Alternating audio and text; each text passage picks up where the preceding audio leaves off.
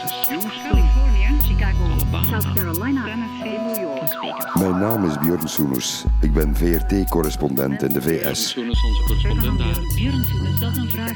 Ik neem u diep mee in Amerika, ver achter het nieuws. In het hart en de geest van dat immense land, de Verenigde Staten.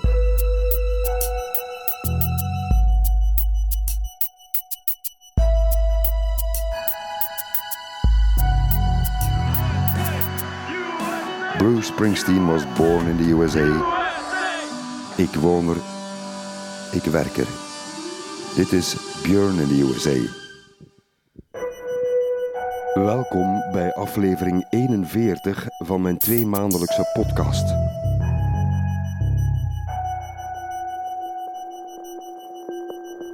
All rise. Court is in session. The Honorable Judge Stanley Carter presiding. Be seated. In Amerika zijn er duizenden lokale rechtbanken. Er bestaan 50 staatsgerechtshoven en er zijn federale gerechtshoven in bijna 100 districten. Maar het allerhoogste hof is het Federale Hoge Rechtshof in Washington, D.C. Dat Hoge Rechtshof lijkt steeds meer op een finale scheidsrechter die bepaalt welke richting Amerika uitgaat. This is breaking news. A landmark ruling out of the Supreme Court this morning. Roe versus Wade is overruled. There is no constitutional right to an abortion. Het is het hoogste gerechtsorgaan in de VS en het heeft ontzettend veel macht. Het Federale Hoge Rechtshof speelt een cruciale rol bij het interpreteren van de grondwet. De emoties daarover lopen hoog op. They are coming after the things we hold dear. It troubles me to think how six people could say they have seized power and care so little. De rechterlijke macht wordt geregeld verdacht gemaakt en niet voor het eerst. This is not an impartial court, an independent arbiter of the law. These are not neutral judges, these are politicians in robes. Er is sprake van activistische rechters.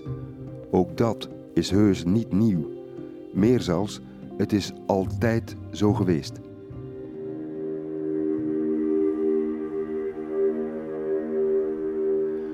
Anno 2023 schreeuwt progressief Amerika moord en brand omdat het Hof arresten velt die geliefd zijn bij conservatief Amerika. Het federale abortusrecht is afgevoerd. Het principe van positieve discriminatie op universiteiten bij toelatingsbeleid afgevoerd. Vrijheid van religie en meningsuiting werden onlangs belangrijker gevonden dan de bescherming tegen discriminatie van holibies. En Bidens programma om federale studieschulden kwijt te schelden werd door het Hof naar de prullenmand verwezen. The ruling is a stinging defeat for President Biden, who hoped to deliver up to $20,000 of relief for millions of borrowers struggling with outstanding college debt. Those borrowers will now have to start paying back their loans starting in October. Progressief Amerika neemt grote woorden in de mond over de naar hun zeggen kwalijke evolutie van het Hoge Rechtshof. Alexandria Ocasio-Cortez, congreslid uit New York voor de Democraten, zei op zondag 2 juli 2023 dat het Hof in Washington gevaarlijk dicht aanschurkt tegen autoritair denken.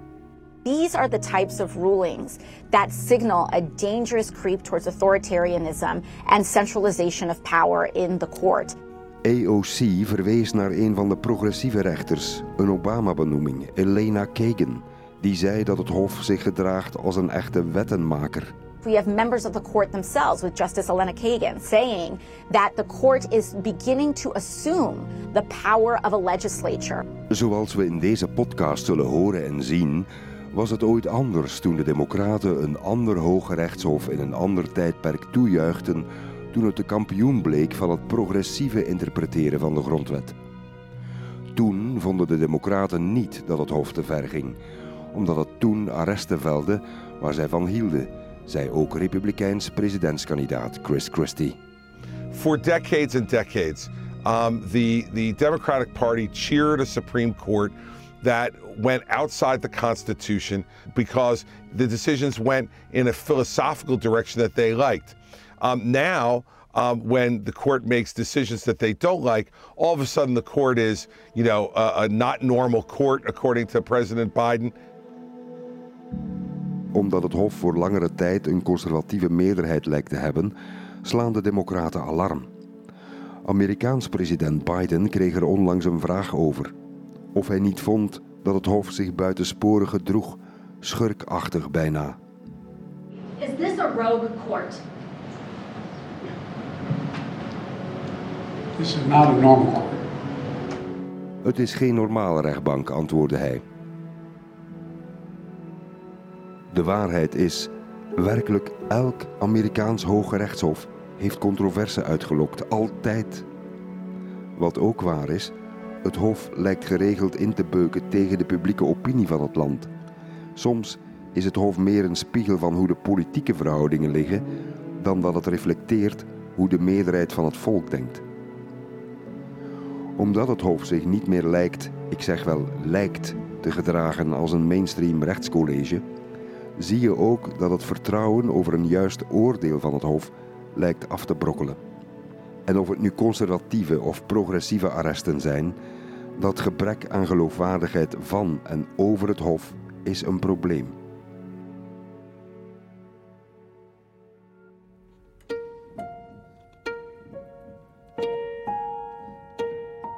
Als ik arresten bestudeer of lees, ben ik er bijna zeker van dat, hoe de arresten ook in de perceptie tot vreugde of woede leiden, er juridisch in elk geval altijd zeer diep over is nagedacht. Zoals goede rechters horen te doen.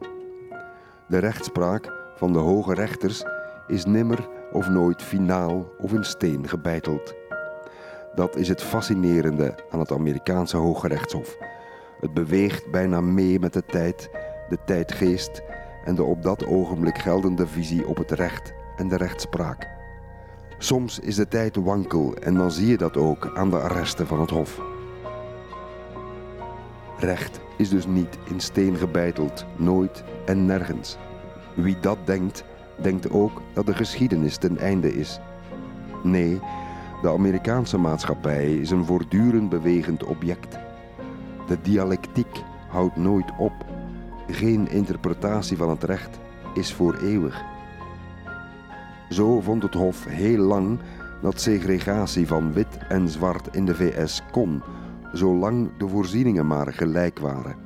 Separate but equal. Pas 50 jaar later paste het Hof die interpretatie aan met een draai van 180 graden. Ik kom er later in deze podcast op terug.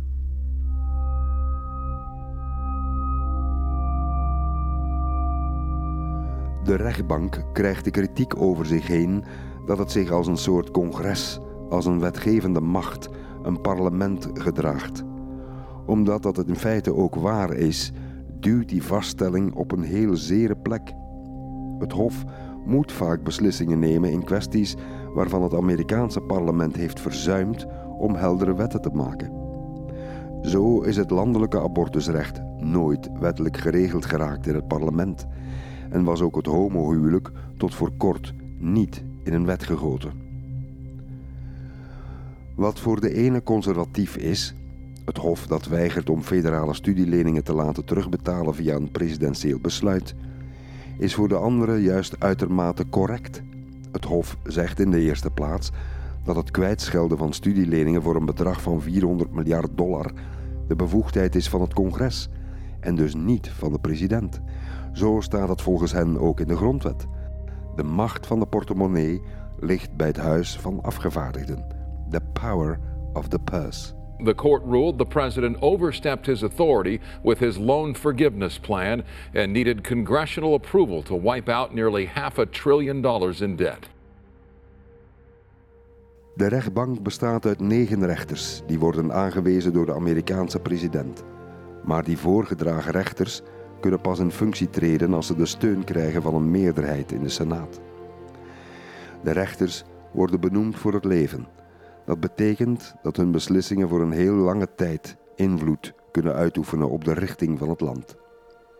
Daar zit al het eerste grote probleem. Kunnen politiek benoemde rechters wel eerlijk of onpartijdig zijn? De negen rechters van SCOTUS, het Supreme Court of the United States, zijn in feite het eindstation voor allerlei principiële rechtszaken, die eerst een hele weg hebben afgelegd in lokale of federale rechtbanken. De ultieme toets aan de Amerikaanse grondwet komt tot bij het federale Hoge Rechtshof. Als een van de negen rechters met pensioen gaat of sterft, is het aan de zittende president van Amerika om een nieuwe rechter te kiezen. Die wordt dus pas definitief benoemd na het akkoord van de Senaat. Republikeinen kiezen meestal conservatieve rechters. Judge Amy Coney Barrett. Democraten meestal progressieve rechters. Ketanji Brown Jackson. Er wordt met ontzettend veel aandacht gekeken naar die rechters die worden voorgedragen. Het huidige Hof bestaat uit drie rechters uit de Trump-tijd, twee uit de Obama-tijd, twee uit het tijdperk Bush Jr., één uit de tijd van vader Bush en nog één benoemd door huidig president Biden. Vier vrouwen en vijf mannen.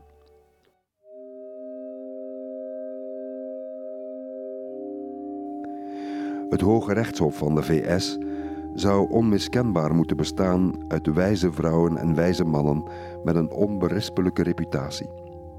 Mannen en vrouwen waar geen ethische of morele twijfels over bestaan. Juristen die eerste klas recht spreken, die rechtvaardigheid voor alle Amerikanen belangrijk vinden. Helaas, dat is niet steeds het geval. Hoge rechters benoemen met een schandvlek op hun verleden of met een dubieus kantje, omdat het partijpolitiek of ideologisch goed uitkomt, doet de geloofwaardigheid van het Hof verroesten. Daar kom ik later nog uitgebreid op terug. De politisering van het Hof is slecht voor het land en doet de polarisatie in twee bitsige kampen nog groeien. Als uitlekt in de pers dat sommige rechters cadeaus aanvaarden of zich te goed doen aan snoepreizen van rijke donoren, dan helpt dat de zaak uiteraard niet vooruit. Justice Thomas has for years accepted free charter jet flights and stays on a yacht and uh, luxury resorts from real estate developer Harlan Crow. Crow is a conservative megadonor. Rechters van het hoogste rechtscollege zijn bekende figuren in de VS. Je ziet ze ook elk jaar opdraven als ze in hun zwarte toga's de congreszaal worden binnengeleid voor de State of the Union. Madam Speaker, the Chief Justice and Associate Justices of the Supreme Court.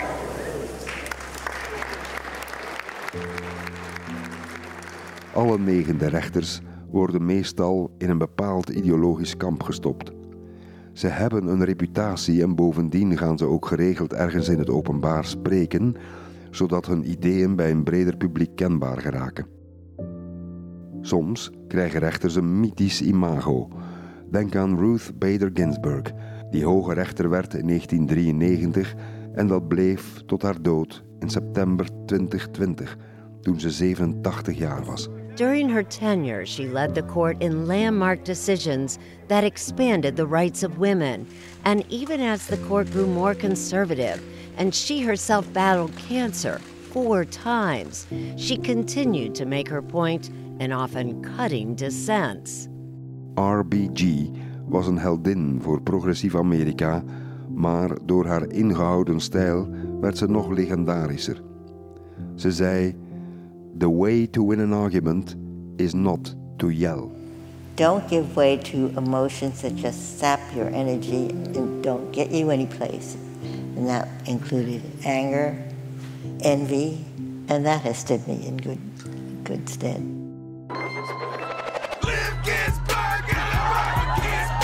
Rapmuziek over de rechter en koffiemokken met RBG als vliegende ninja of als Notorious RBG blijven populair. Tegelijk toonden ze dat progressieve en conservatieve rechters ook vriendschappelijk met elkaar om kunnen gaan. I think we understand that for the court to work well, we have to not only respect but genuinely like each other. Ginsburg sloot de allerconservatiefste rechter in de armen, Antonin Scalia. Scalia beweerde tot zijn laatste ademtocht, begin 2016, dat de Amerikaanse grondwet nergens bescherming biedt tegen de discriminatie van vrouwen en dat homo's grondwettelijk niet het recht hadden om te trouwen. Ginsburg geloofde dat je ook met je tegenpool samen door één deur moet kunnen en dat zoiets geen verraad is of onvergeeflijke morele toegeeflijkheid. De stabiliteit en veelzijdigheid van een instelling als het Hoge Rechtshof zou er enkel wel bij kunnen varen. Even when we were on opposite sides, he might call me and say, Ruth, I'm not with you, but wouldn't this be a better word than the one that I had? He would help you strengthen Yeah. your own argument. And I, I did the same thing with him. RBG stierf op het einde van Donald Trumps eerste ambtstermijn, op anderhalve maand van de verkiezingen. Ik ging naar Washington, waar ik duizenden mensen zag die haar lijkkist kwamen groeten, op de trappen van het Hoge Rechtshof. Mensen vertelden me hoe belangrijk ze was geweest voor vrouwen in de VS. She's just such an icon for women everywhere to look up to. One of the reasons we can actually, as women, have a mortgage in our own name is because of the work that she did. And I find it absolutely horrible that she's going to be replaced probably by someone who's going to try to undo her work. Door de dood van RBG kreeg de 45ste president de mogelijkheid om het progressieve icoon te vervangen door een aards-conservatief rechter. Trump kreeg zo de unieke kans om zijn derde hoge rechter te benoemen in één ambtstermijn. Amy Coney Barrett will decide cases based on the text of the Constitution as written. As Amy has said, being a judge takes courage. De ultra-katholieke Amy Coney Barrett kwam in de plaats van RBG en schoof het hof daardoor voor een hele generatie op naar de rechterkant, met zes conservatieve rechters versus drie progressieve. Voorheen was de meerderheid vijf tegen vier en soms zat er één rechter op de wip. Die tussenpersoon is nu verdwenen, doordat de conservatieve meerderheid te dominant is geworden. Niemand zit nog op de wip en als het toch gebeurt, dan doet het er niet toe.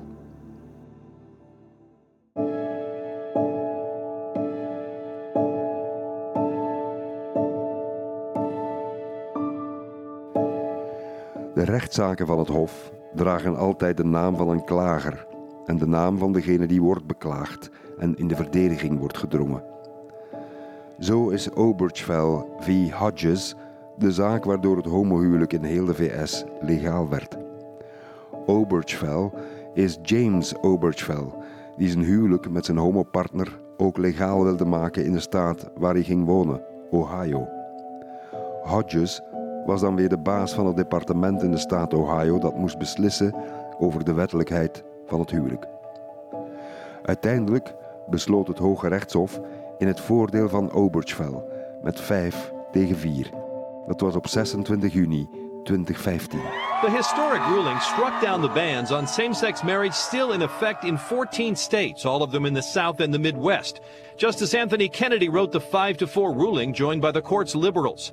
The right of same sex couples to marry is part of the liberty promised by the Constitution, Kennedy said, which grants them equal dignity in the eyes of the law. Voor de 18 miljoen Amerikaanse holibies en transgender personen in de VS een historisch arrest. It's been a long path for us. We know that people have been fighting this fight for decades. De hoogste rechters beslechten hun zaken met een meerderheid van stemmen. 5 tegen 4. Tegenwoordig heel vaak 6 tegen 3, soms wel een keer 8 tegen 1. Onder de hoge rechters is er één opperrechter, een primus inter pares, een voorzitter van het hof. Dat is op dit moment John Roberts, bijna 20 jaar geleden benoemd door president George W. Bush. He has the qualities Americans expect in a judge experience, wisdom, fairness, and civility. Roberts is de Chief Justice. Hij heeft geen zeggenschap over hoe andere rechters moeten denken of oordelen, maar hij regelt het werk.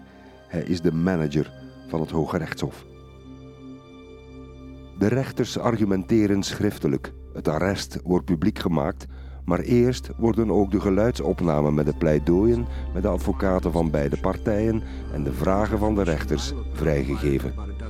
Die vragen en antwoorden geven vaak vele maanden voor het uiteindelijke arrest, goed aan welke richting het allicht uitgaat bij de uitspraak.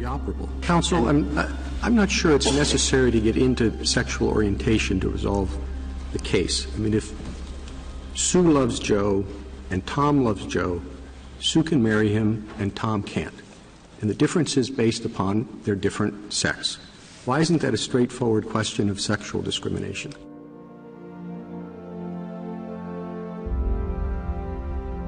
Ook de mening van de minderheid in het Hof wordt na het lossen van het arrest publiek gemaakt. Belangrijk om te weten: het Hoge Rechtshof heeft geen eigen initiatiefrecht. De arresten komen dus niet uit hun eigen wil tot stand. Het Hof beslist over de grondwettelijkheid van bestaande wetten, maar enkel als er een klacht tot bij het Hof komt, vaak als ultieme beroepszaak. Soms starten mensen een rechtszaak waarvan ze weten dat elke rechtbank hen zal afwijzen, ook in beroep, om toch maar die zaak bij het hoogste gerechtshof te krijgen. En dan wordt een lokale materie meteen rechtspraak voor het hele land. Zo werd een lokale poging tot abortusbeperking in Mississippi in 2022 het voorwerp van een landelijk arrest, waardoor het hele abortusrecht in heel Amerika op de schop ging. Uh, overruling Roe versus Wade in this country. It will have a profound impact on abortion rights in 13 states. They have what are uh, called trigger laws to ban or severely restrict abortion rights uh, almost immediately. Zoals al eerder gezegd, de stem van het federale Hoge Rechtshof zindert diep na. Tot 1981 was het Hof een exclusieve mannenclub. Het was uitgerekend president Ronald Reagan die de eerste vrouwelijke rechter aanstelde, Sandra Day O'Connor. I commend her to you, and I urge the Senate's swift bipartisan confirmation so that as soon as possible she may take her seat on the court and her place in history. Pas twaalf jaar later, in 1993, kreeg O'Connor er nog een vrouwelijke collega bij, Ruth Bader Ginsburg. Die kent u al. Anno 2023 zijn ze intussen met vier vrouwen op negen rechters in het totaal. Eén vrouwelijke conservatieve rechter, Amy Coney Barrett, benoemd door Trump. Eén Latina-vrouw, de progressieve rechter Sonia Sotomayor, benoemd door Obama. Eén zwarte vrouw, de progressieve rechter Ketanji Brown Jackson, benoemd door Joe Biden. En Elena Kagan, wit en progressief, benoemd door Obama. Trump en zijn leider in de Senaat, Mitch McConnell, slaagden erin om de balans van het Hof te veranderen. Dat had Obama ook kunnen doen na de dood van rechter Scalia in 2016. Maar diezelfde Republikeinse Senaatsleider McConnell stak er een stok voor. Hij weigerde een jaar lang halstarrig om de vacature in te vullen. It is a president's constitutional right to nominate a Supreme Court justice, and it is the Senate's constitutional right to act as a check on a president and withhold its consent. Obama's kandidaat was Merrick Garland, die onder Joe Biden nu minister van Justitie is geworden. Obama had dus een ultraconservatief rechter, Scalia, kunnen vervangen door een gematigd progressief rechter, Garland. McConnell dwarsboomde die benoeming. Hij weigerde zelfs hoorzittingen te houden gedurende één jaar lang en veranderde daarmee uiteindelijk de loop van de geschiedenis. 2016 was een verkiezingsjaar, zei McConnell. Het is niet kies om dan snel snel nog een rechter te benoemen voor het belangrijkste hof van het land. Once the political season is underway, and it is, action on a Supreme Court nomination must be put off until after the election campaign is over. That is what is fair to the nominee and is central to the process. De vacature in het Hoge Rechtshof werd uiteindelijk ingevuld door een Trump-rechter, begin 2017, met Neil Gorsuch. McConnell zou exact het omgekeerde doen onder Trump toen rechter Ginsburg doodging. Plots zei hij niet langer dat de verkiezingen eraan kwamen en dat er dus moest gewacht worden. Wel in tegendeel. We're moving this nomination forward. And colleagues, by tomorrow night, we'll have a new member of the United States Supreme Court. Nog een maand voor de presidentsverkiezing van 2020 benoemde Trump met de steun van McConnell in de Senaat snel snel de ultraconservatieve rechter Amy Coney Barrett. Zij verving het progressieve icoon RBG.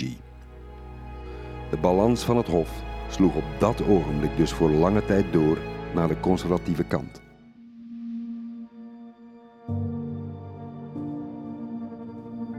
En ja, het blijft waar. De negen rechters hebben een ontzettende impact. Hun benoeming zorgt er in feite voor dat een president via de rechters over zijn graf heen kan regeren. Scalia werd bijna 40 jaar geleden door president Reagan benoemd, maar kon nog een kwart eeuw na Reagan een conservatief stempel op het hoofd drukken. Hetzelfde geldt nu voor Coney Barrett, die door Trump is benoemd, of Brown Jackson door Biden. De rechters zijn in feite een politieke tijdcapsule. De huidige leden zijn benoemd door vijf verschillende presidenten die daardoor regeren ver voorbij hun ambtstermijn, in een soort tijdreis.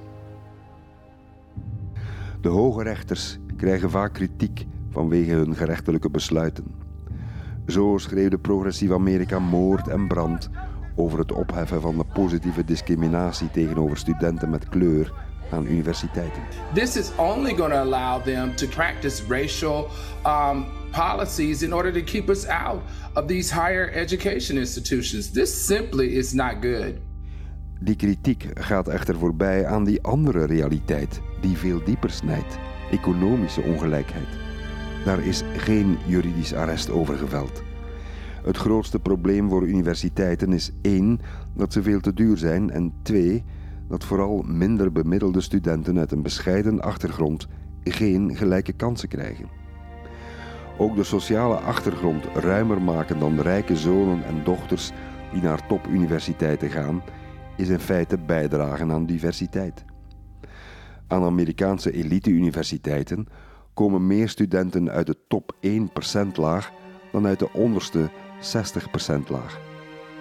Amerikaanse verontwaardiging richt zich dus vaak niet op de doelen waar ze zich op zou moeten richten, want economische achterstelling hangt vaak samen met kleur. Neem de door Trump benoemde hoge rechter Neil Gorsuch.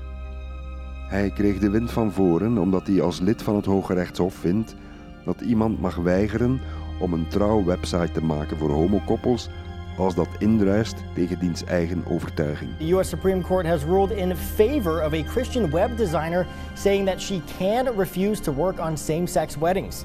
Justice Neil Gorsuch writing the opinion stating, quote, Lori Smith as a creative professional has a free speech right under the Constitution's First Amendment to refuse to endorse messages she disagrees with. Argument: vrijheid van meningsuiting of religie zijn ontzettend belangrijk.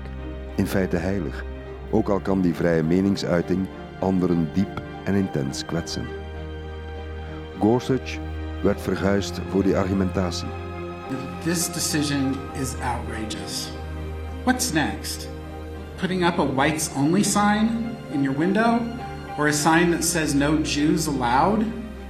Tegelijk, in 2020 beschermde diezelfde conservatieve rechter Gorsuch de rechten van miljoenen LGBTQ-personen in een arrest dat hen voortaan beter beschermde op de werkplek.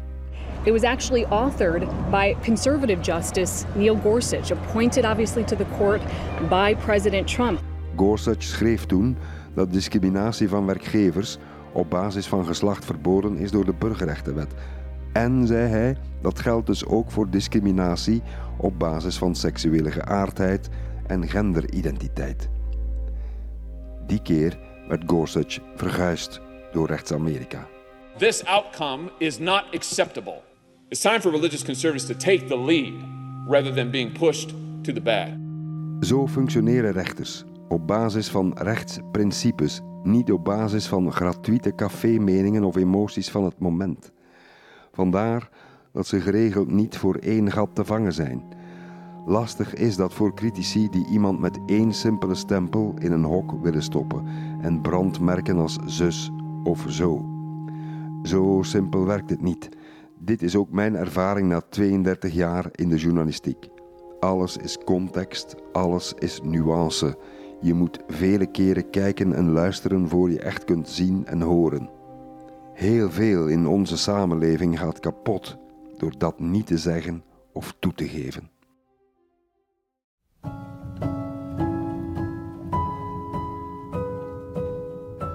Van de rechters van het Hoge Rechtshof kan je veel zeggen, maar bijna zonder uitzondering zijn het prima juristen.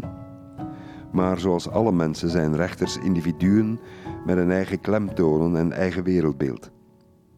Dat is dus de ruis die op elke besluitvorming zit, of je nu rechter bent, of manager, marketeer of journalist. Als we dat niet kunnen aannemen of willen geloven, dan is de geloofwaardigheid van de rechtsstaat, bestuurd door mensen van vlees en bloed, bijna voorbij. Dan kun je de instellingen opdoeken. Hysterisch een uitspraak afbranden als je het er niet mee eens bent en niet kijken naar de fijnere argumentatie, draagt heus niet bij tot de handhaving van de democratie, die net gestoeld is op verschillende voldragen meningen. In dat geval wordt een arrest van het Hof niet langer beschouwd als een teleurstelling, als het niet is zoals gewenst, maar dan wordt het een ideologisch gedreven complot tegen de staat of tegen de vooruitgang.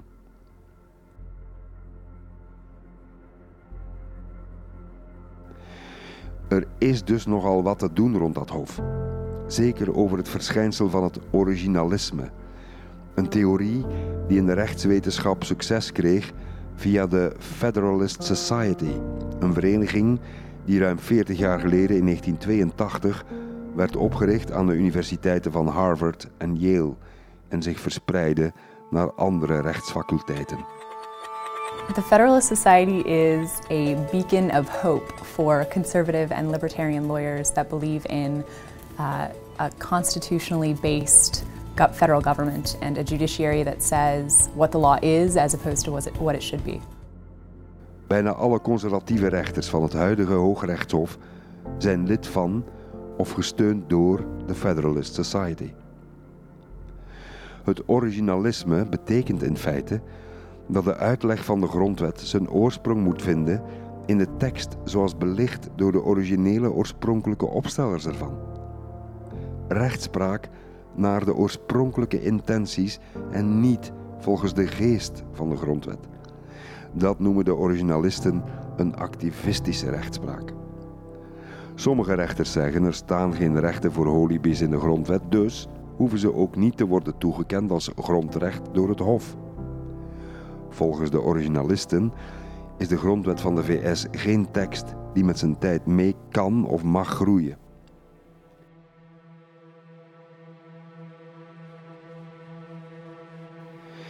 In elk geval, de rechters van het Hoge Rechtshof hebben zeer veel macht en kunnen de koers van het land effectief verleggen. Iets wat we in België of Nederland niet of veel minder kennen. Neem bijvoorbeeld het jaar 2000 toen het Hof 5 tegen 4 besloot om het tellen van de stemmen in Florida te stoppen. This is an ABC News special report. Good evening, everybody. I'll make it quick and simple to beginning. The Supreme Court of the United States has reversed the decision of the Florida Supreme Court on a very narrow majority. Daardoor werd George W. Bush president. Links zag het als een soort staatsgreep. They stole the election. We had a coup d'etat. Al Gore de man met een half miljoen meer stemmen verloor het presidentschap door een besluit van het Hoge Rechtshof in Washington. Gore moest het arrest slikken. While I strongly disagree with the court's decision, I accept it. And tonight, for the sake of our unity as a people and the strength of our democracy, I offer my concession. Op CBS kreeg Scalia er veel later als rechter een vraag over in het zondagavondprogramma 60 Minutes. People say that that decision was not based on judicial philosophy but on politics. I say nonsense. Was it political? Gee, I really don't want to get in. I mean, this is get over it. It's so old by now. Get over it, liet hij optekenen. Bush werd president en er kwamen twee oorlogen in Irak en Afghanistan. En 9-11 kwam eraan en de financiële crisis van 2008 deden de VS bijna omvertuimelen onder Bush.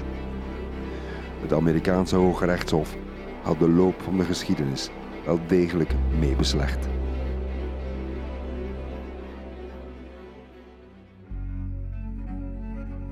Een nieuwe rechter benoemen is niet eenvoudig.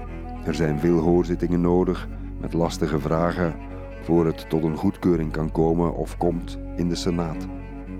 De kandidaat hoge rechter wordt helemaal gevet, doorgelicht. In de meeste gevallen volgt een overtuigende stemming. Zo werd Ruth Bader Ginsburg op 3 augustus 93 met een verpletterende meerderheid van 96 stemmen voor in een senaat met 100 leden tot rechter benoemd. The vote is 96 yeas, 3 nays and the nomination is confirmed. Soms loopt het helemaal niet zo lekker en is de hele procedure pijnlijk om aan te zien. De zwarte rechter Clarence Thomas moest zich in de herfst van 1991 25 lange uren verdedigen als een duivel in een wijwatervat over beschuldigingen van seksueel ontoelaatbaar gedrag tegenover zijn vroegere medewerkster Anita Hill. I deny each and every single allegation against me today that I had conversations of a sexual nature or about pornographic material with Anita Hill. De zaak rond Anita Hill, nu hoogleraar, toen de 35-jarige ex-medewerkster van Clarence Thomas bij het ministerie van Onderwijs, zorgde voor veel drama in Washington. Thomas had daar lastig gevallen met aangebrande commentaren over de porno die hij keek en over zijn seksuele gewoonten. Misplaatste grappen over een schaamhaar op een colaplikje. He spoke about acts that he had seen in pornographic films involving such matters as women having sex with animals and films showing group sex or rape scenes. Joe Biden, nu de 46e president van Amerika en 32 jaar geleden de machtige voorzitter in de Senaat van de Commissie Justitie, liet het na om bijkomende getuigen op te roepen die het verhaal van Hill konden bevestigen. Biden had weet van de verhalen over het seksueel grensoverschrijdende gedrag van Thomas. Maar hij stelde een stemming in zijn commissie over de benoeming van de rechter niet uit.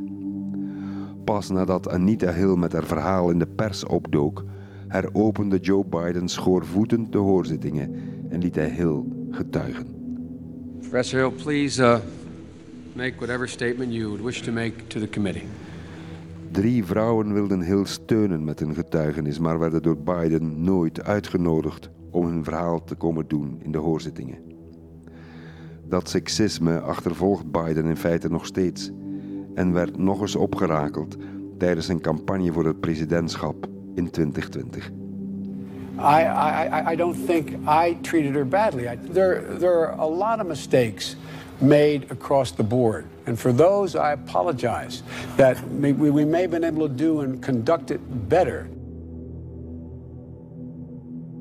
Time magazine drukte de foto van Anita Hill af op de cover van het magazine met de commentaar Courage to Speak. In sommige conservatieve media werd Hill afgeschilderd als een gekin en een slet. A little nutty and a little bit slutty.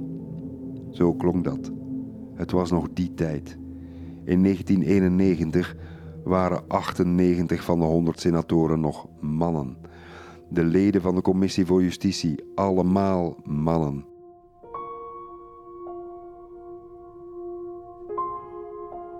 Thomas werd met de hakken over de sloot benoemd, 52 tegen 48. Hij zou zich in de 30 jaar erna ontpoppen tot de conservatiefste van alle rechters. Thomas is met zijn 75 jaar intussen de oudste rechter in het Hooggerechtshof. Hij volgde de legendarische Thurgood Marshall op, die in 1967 de allereerste zwarte rechter bij het Hof was geworden, nadat hij daarvoor een succesvol burgerrechtenadvocaat was geweest. Ruim een kwart eeuw na Clarence Thomas speelde zich in 2018 weer een drama af rond de benoeming van een hoge rechter. Dit keer draaide de tragiek rond Brett Kavanaugh, een aanstelling van Trump. Kavanaugh's benoeming bij het Hoge Rechtshof stond in september 2018 plots op losse schroeven, na aantijgingen van seksuele aanranding door een Californische universiteitsdocenten. Christine Blasey Ford. Het was senator Feinstein die daarop nieuwe hoorzittingen vroeg. What I find most inexcusable is the unwillingness to take these kinds of allegations at face value and look at them for what they are a real question of character for someone who is asking for a lifetime appointment on the Supreme Court. Blasey Ford zei dat Kavanaugh haar op een feestje in de jaren 80 haar had proberen te verkrachten toen ze allebei nog tieners waren en te veel hadden gedronken. Ze kwam getuigen in het congres. I am here today not because I want to be. I am terrified. I am here because I believe it is my civic duty to tell you what happened to me while Brett Kavanaugh and I were in high school. Drie bijtende uren lang sloeg haar getuigenis in als een bom. I believed he was going to rape me. I tried to yell for help. When I did, Brett put his hand over my mouth to stop me from yelling. Ford zou nooit het gelach van Brett Kavanaugh vergeten, zei ze, toen hij bovenop haar lag. Hij had haar met zijn hand letterlijk de mond gesnoerd. Ze had het seksuele trauma geprobeerd te vergeten, zei ze, tot ze Kavanaugh op de tv zag als de genomineerde toekomstige rechter van het hoogste rechtscollege van Amerika. Iedereen dacht na haar getuigenis dat Kavanaugh zijn benoeming op de buik mocht schrijven. Maar de kandidaat hoge rechter kwam bijna schuimbekkend de zittingzaal binnen na de middag. Zijn lippen trilden, hij zat voortdurend zijn neus op te trekken alsof hij cocaïnelijntjes had zitten snuiven om zichzelf te vermannen en op te peppen. Mr. Chairman, Ranking Member Feinstein, members of the committee, thank you for allowing me to make my statement. Ziedend getuigde Kavanaugh over het besmeuren van zijn goede naam. Hij noemde de democratische senatoren acteurs in een politiek circus. Pionnen in een wraakspel van de Clintons, zei hij. This whole two-week effort has been a calculated and orchestrated political hit. Fueled with apparent pent up anger about President Trump and the 2016 election, fear that has been unfairly stoked about my judicial record, revenge on behalf of the Clintons, and millions of dollars in money from outside left wing opposition groups. Ik was daar als verslaggever en wist niet wat ik zag. Toen Kavanaugh vragen kreeg over mogelijk buitensporig veel drinken, kaaste hij de bal agressief terug. Hij schoffeerde senator Amy Klobuchar uit Minnesota. So, so you're saying there's never been a case where you drank so much that you didn't remember what happened the night before or part of what happened? That's you're asking about yeah blackout. I don't know. Have you? Is that your answer? Yeah, and I'm curious if you have. I have no drinking problem, Judge. Yeah, nor do I. Okay. Kavanaugh bekende in één moeite door zijn blijvende liefde voor gerstennat. Yes, we drank beer. I liked beer. Still like beer. We drank beer. In niets leek Kavanaugh tijdens die dramatische hoorzitting op een stabiele en bezadigde rechter. Hij leek in niets op een rustige, conventionele jurist. Hij kwam woest en rancuneus over. Tegelijk maakte hij handig gebruik van het tijdsgevricht van het klimaat. De politieke woede onder Trump waardoor hij zichzelf in feite redde. Hij kreeg de steun van Lindsey Graham, republikeins topsenator, die het hele onderzoek naar Kavanaugh schandalig vond, zei hij. Hoe durfden de democraten de reputatie van zo'n eerbaar man zomaar te grabbel gooien? This is the most unethical sham since I've been in politics. And if you really wanted to know the truth, You sure as hell wouldn't have done what you've done to this guy.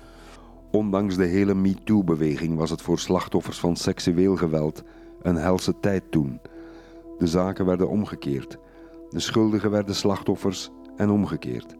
Toenmalig president Trump beschreef een zieke samenleving waarin mannen met macht zomaar konden worden beschuldigd. On behalf of our nation, I want to apologize to Brett and the entire Kavanaugh family for the terrible pain and suffering you have been forced to endure. Tussendoor zagen we een glimp van de dominante macho-Amerikaan in de samenleving, van de mannencultuur onderwezen op elitescholen met de enorme competitiegeest, de steroïden bij het sporten, het verbod op falen en de in wijn en bier gedrenkte feestjes van studentenclubs, met bijhorend seksueel wangedrag na overmatig drank- en druggebruik.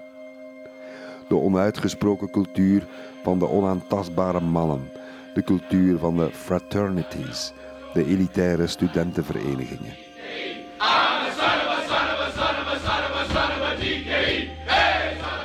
De Republikeinen en Kavanaugh wonnen het pleit. Brett Kavanaugh werd met een ceremonie in het Witte Huis voor het leven benoemd als lid van het hoogste Amerikaanse rechtscollege.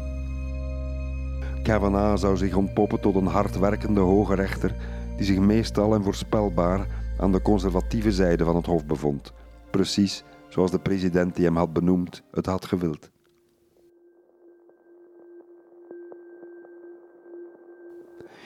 In deel 2 van deze podcast over het Amerikaanse Hoge Rechtshof zal ik me buigen over een aantal opmerkelijke rechtszaken die het aanzien van Amerika voor altijd hebben bepaald.